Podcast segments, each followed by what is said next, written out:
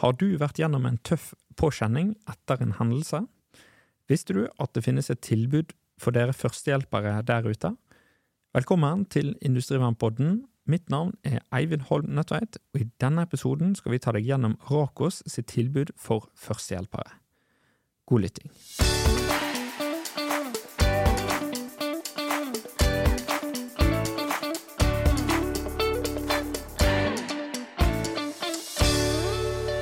For å prate om dette tilbudet har jeg fått med meg en av de mange flinke som besvarer disse samtalene man kan ha, nemlig Kristina Roda Reilstad, som er sykepleier ved Universitetssykehuset i Stavanger. Velkommen, Kristina. Takk. Kan du fortelle litt mer om dette tilbudet som dere har eh, ja, eh, tilbudet er et eh, gratis eh, tilbud hvor du får en samtale med erfarent helsepersonell. Hvor vi rett og slett går gjennom det du har opplevd steg for steg. Som en slags debrifing. Det var et tilbud som ble starta opp i Stavanger av Konrad Bjørsvold og Wenche Toren Mathisen. Hun skrev en doktorgrad om dette, hvordan det bare opplevdes å være førstehjelper så døde dessverre hun av kreft, men så har Konrad da på en måte tatt det videre og starta prosjektet som heter Oppfølging av førstehjelpere. Som egentlig er et eh, landsdekkende tilbud med fysiske kontorer i Stavanger. Ja, så ofte så snakker vi om hvordan det gikk med pasienten, det er jo alltid et fokus. Men ikke om hvordan det gikk med den som ja førstehjelperen. og det kan jo være litt tøft å, ha stått i en sånn situasjon, så eh, Kristine, eh, hvorfor er dette her så viktig å, å også fokusere på de som har vært gjennom en slik hendelse? Det er jo fordi at eh, forskning viser seg, og det vi ser i vår jobb òg, er at eh, de som har kommet opp i en sånn førstehjelpssituasjon, var ofte på vei hjem fra jobb, eller skulle hente i barnehagen, eller var på vei til butikken. Altså det kommer litt bardust på. Eh, så du må liksom snu hodet om litt fort. Og de, de eh, sitter igjen med enorme traumer fordi at eh, de ikke var forberedt på det som de skulle møte. Også det at de står med livet til et annet menneske i hendene og må på en måte gjøre livreddende tiltak eh, ganske kjapt og uten egentlig noen andre hjelpemidler enn det de har, har med seg der de er de aller fleste har jo uh, lært førstehjelp. Hvorfor er det så mange som uh, sliter kanskje etter en hendelse? Det er fordi at når du er på et førstehjelpskurs, så har du andedere foran deg, uh, og alle vet at det er en øvelse. Og vi klarer ikke å forberede folk på hvordan det faktisk oppleves å stå med livet til et annet menneske i hendene. Hvordan, hvordan de ser ut, ansiktsfarge, det kommer kanskje litt rare lyder. Eh, det, det, oppleves eh, mye mer brutalt enn det å på en måte være på et eh, kurs. Og så er det ofte i tillegg noen som du er glad i eller bryr deg om. Sånn at hele situasjonen kommer så bardust på. Jeg tror det er det som gjør, gjør det vanskelig for mange. At du klarer ikke på en måte å være forberedt. Det er jo veldig spesielt. sant? Altså, det kan jo være venner eller en kollega sant? som du har jobbet med hele livet, og så plutselig så faller han om ved siden av deg. Det, det, kan jo være utrolig vanskelig å stå i det.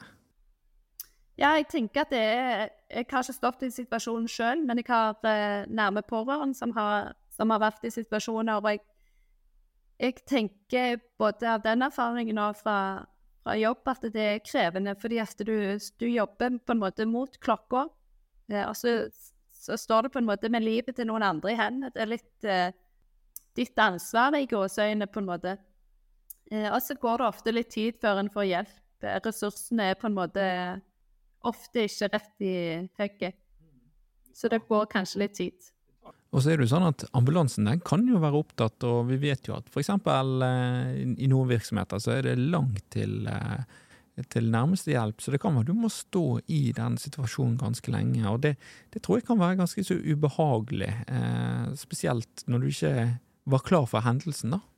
Ja, det kan, det kan være enormt krevende. Og vi skal selvfølgelig øve og forberede folk på, på situasjonen med det å gå på førstehjelpskurs.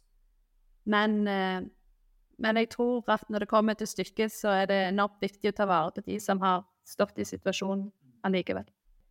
Det kan jo være vondt å eh, holde på disse tankene og, og, følelsene etter man har vært på en hendelse, og eh, hvordan kjenner man egentlig at man har utfordringer? Altså, hvordan kan man merke dette på seg sjøl, at ja, jeg kunne trengt hjelp? Mange eh, kan kjenne på at de har litt eh, søvnproblemer. Det er vanskelig å sove, eller de våkner opp og har mareritt av hendelsen. Eh, og hos mange så kverner tankene om igjen og om igjen, der de på en måte lurer på om de kunne gjort noe annerledes. Gjorde jeg feil? Gjorde jeg ikke god nok førstehjelp? Var det min Spesielt hvis utfallet var dårlig, så kjenner mange på en sånn skyldfølelse. De kan ha nedsatt uh, matlyst. Uh, hvis hendelsen skjedde på Kiwi, så unngår de kanskje å gå på Kiwi. Eller hvis det var ei gammel dame, så prøver de å unngå gamle damer, f.eks. Altså en slags sånn unngåelsesatferd. Uh, det er vel de mest vanlige symptomene vi har. Ja. Det er mye sånn skyldfølelse, rett og slett. Ja, jeg har jo merket selv at det er ganske rart å holde på ting eh, over tid, spesielt. da. Jeg merker jo at eh, det hjalp veldig. Eh, men hvorfor det, egentlig? Det er jo for at det ikke skal bygge seg opp eh, til å bli du, du, må på en måte eie hendelsen, og hendelsen må ikke eie deg. Så det må ikke bygge seg opp til å bli noe som gjør at du At det begrenser ditt liv. Og så er det jo noe med at eh, de, jo, de, sier jo at delt glede er dobbelt glede, og delt sorg er halv sorg. Og det er noe med det når du deler det med andre, så Ja, det blir lettere? Det blir litt lettere å forstå, og du får på en måte satt ord på de følelsene og tankene som du har. Og og sånn så i, vår, i vårt tilbud òg, så går vi gjennom samtalen sammen. Eh, og så svarer vi på de spørsmålene som de har. Eh, og bare det å få svar på en del av sånne medisinsk-tekniske spørsmål er for mange en ganske god hjelp. De kan f.eks. lure på hvorfor det ikke ble brukt hjertestarter, eller eh, hvorfor de valgte å kjøre uten blålys, eller Ja, altså det er mye sånn helt vanlige spørsmål og tanker som folk sitter med, som lett kan svares på, som gir at eh, du kanskje går ut derfra med et litt lettere sinn fordi at du har fått svar på mye av den der grublingen som du kjenner på, rett og slett. Ja, det kan jo f.eks. være at ja, de fikk ikke liv i pasienten, da. Eh, det kan jo være tungt for noen, og det er jo ikke alle man får rett og slett liv i igjen. Det er jo ganske dårlig eh, statistikk der. Ja, stemmer det. Og det er faktisk sånn at fem av seks av de som får hjertestans, eh, dør. Så det er en forholdsvis dyster statistikk. Men det er det mange som ikke vet, fordi at eh, vi lærer på førstehjelpskurs at hvis du gir god førstehjelp, så overlever pasienten. Og da tenker mange at OK, men pasienten døde, altså har jeg gjort dårlig førstehjelp. Men, men, så er det ikke sånn, fordi at eh, fem av seks som sagt eh, dør, eller, dør av hjertestans fordi at det er så stor sykdom eller skade på det hjertet. Eh, ja. Og da er det noe med å på en måte eh, erkjenne at det, at det er fakta, på en måte. At ganske mange dør, og vi skal gi, gi god hjerte-lungeredning til de alle. Alle skal få en sjanse, og så er det dessverre mange som ikke overlever. Ja, det tenker jeg er viktig å vite. Det er jo kanskje noe som kan føle på en skam, da, etter eh, man har gjort alt man kunne, og så fikk man ikke det til. Det er greit å kanskje vite at det er eh, ikke så stor sannsynlighet for at man klarer det. Eh, ikke sant? Ja, det er det mange. Det er mange som kjenner på en skam i forhold til det at de ikke klarte å få liv i pasienten. Altså, skulle jeg trykt hardere? Gjorde jeg feil innblåsninger? Eh, jeg skulle begynt fortere? masse forskjellige grunner til at folk bebreider seg sjøl for at utfallet ble som det ble. Men så er det i bunn og grunn på en måte sykdommen i hjertet da, som gjør at det, det ikke går.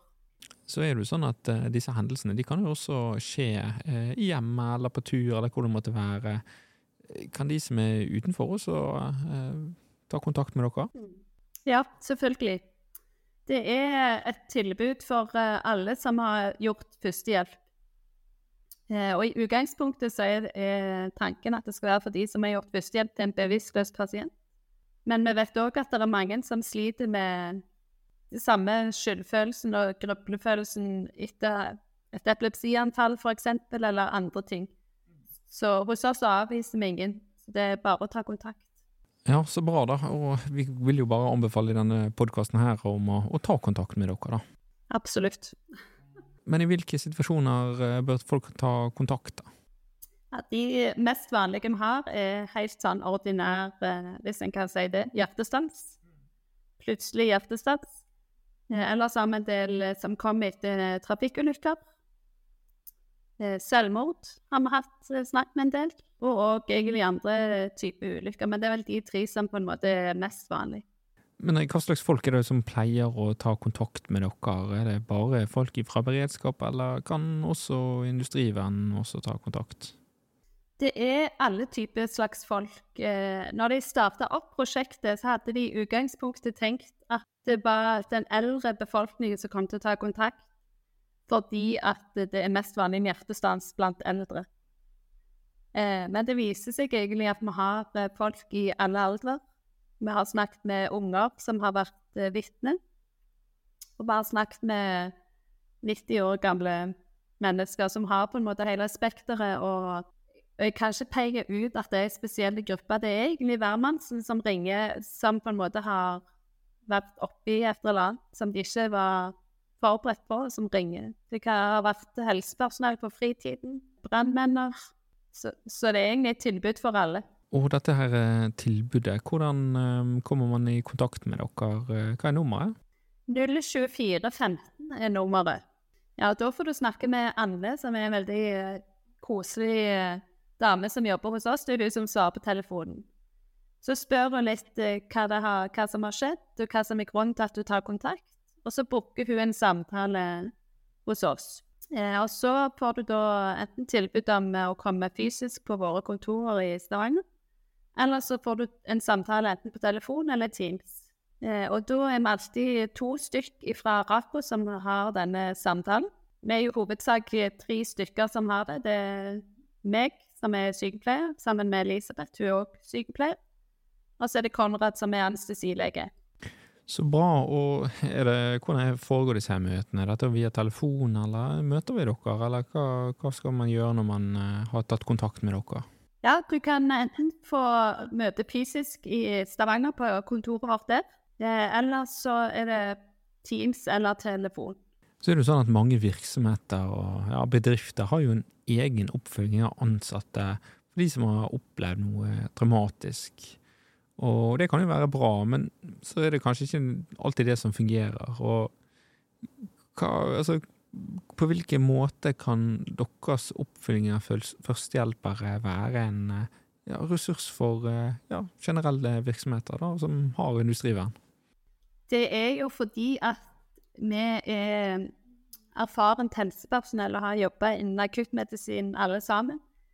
Eh, så vi kan svare på en del sånn medisinske spørsmål eh, som kanskje vil være vanskeligere på en sånn bedriftshelsetjeneste, f.eks., å kunne svare på. Eh, men vi, skal jo ikke være en konkurrerende virksomhet, vi ønsker på en måte å være et supplerende tilbud for de som har behov. Men, men det er nok det mange eh, forteller òg, at det at du kan svare på sånn medisinske spørsmål er det er det som gjør at det på en måte er litt unikt. Og så er det jo dette med å bare snakke ut om det som har skjedd, bare lufte det helt ut. Altså, jeg merker jo sjøl fra eh, da jeg var i brannvesenet, at det har veldig mye å si å bare lufte. Få det ut, liksom. Ja, jeg tror det er kjempeviktig uansett hva du på en måte har vært oppi, og på en måte snakke sammen med noen om, om det du har vært igjennom, på en måte. For det er noe med å, å lufte de tankene og høre litt eh, hva, hva, tenkte du, og hvordan opplevde du det? sant? Som en debrifing.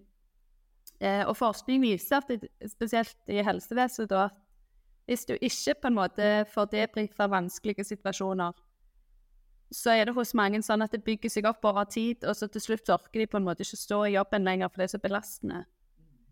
Eh, og sånn kan jeg kanskje tenke i industriverdenen òg, at, at, hvis en på en måte står i mange eh, kritiske situasjoner av et eller annet slag eh, som en ikke på en måte får eh, snakket om eller debrifa på et vis, at det på en måte blir vanskelig. Men da Kristina, da har vi egentlig nådd eh, veiens ende i denne episoden. Så da må jeg bare si tusen takk til deg som har stilt opp og fortalt om dette her gratistilbudet som dere har til de der ute som er berørt av en slik hendelse. Så tusen takk. Bare kjekt. Tusen takk for meg. Og helt til slutt, hva er telefonnummeret deres? 02415. Tusen takk. Og tusen takk til deg, lytter, som har hørt på denne episoden. Eh, du kan abonnere på podkasten vår på Apple og Spotify. Og så eh, setter jeg veldig pris på at du eh, sender inn en, en anmeldelse på oss, og gi oss gjerne en femstjerners rating. Takk for nå.